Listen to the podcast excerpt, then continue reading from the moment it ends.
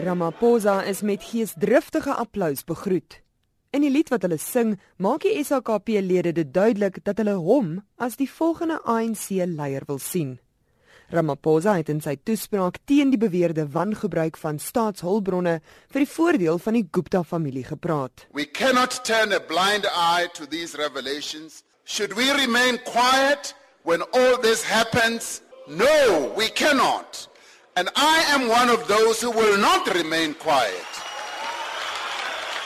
We cannot be quiet, comrades.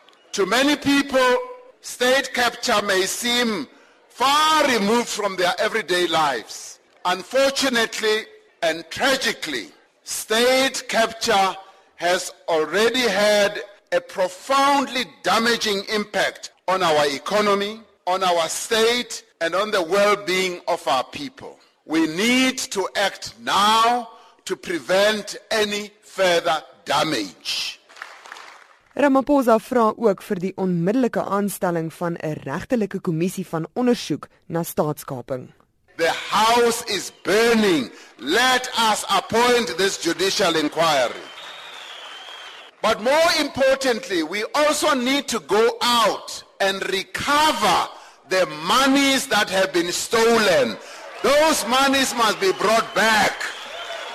They belong to the people of South Africa. Kusatu het intussen sy besluit om Ramaphosa te steun herbevestig.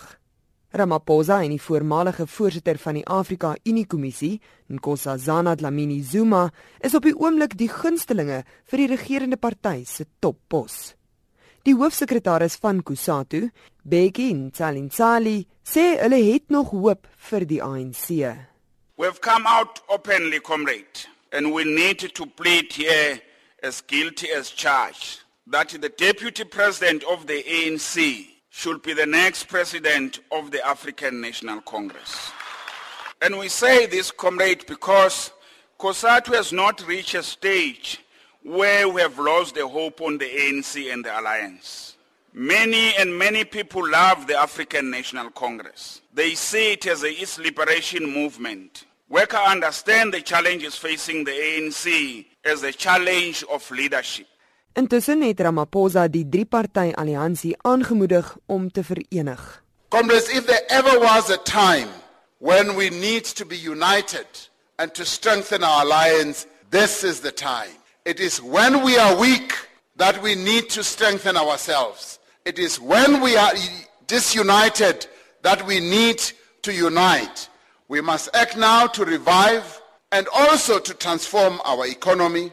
We are confident that this Congress, with this type of strength that we have, we cannot but come up with the best decisions that are going to take this country forward. Ramaphosa se standpunt is deur die hoofsekretaris van die civics organisasie SANCO, Skhumbuzo Mpanza, ondersteun. This Congress must reclaim the spirit of unity and set the bar for ethical and moral leadership required to defeat factionalism political thuggery, as well as social ills and tendencies that are foreign to our revolutionary alliance. Now is the time for the revolutionary alliance to save the ANC from self-destruction and implosion. This will not be achieved through empty political rhetoric and slogans shouted from roof, rooftops and high pedestals, but through unity and decisive action that will inspire the confidence of the masses of our people. Die hoofleiers van die SHKP het besluit om 'n spesiale konferensie volgende jaar te hou om te besluit of hulle alleen aan die 2019 verkiesing sal deelneem. Die verslag deur Tsepo Ikaneng en ek is Henri Wondergem vir SAK nuus.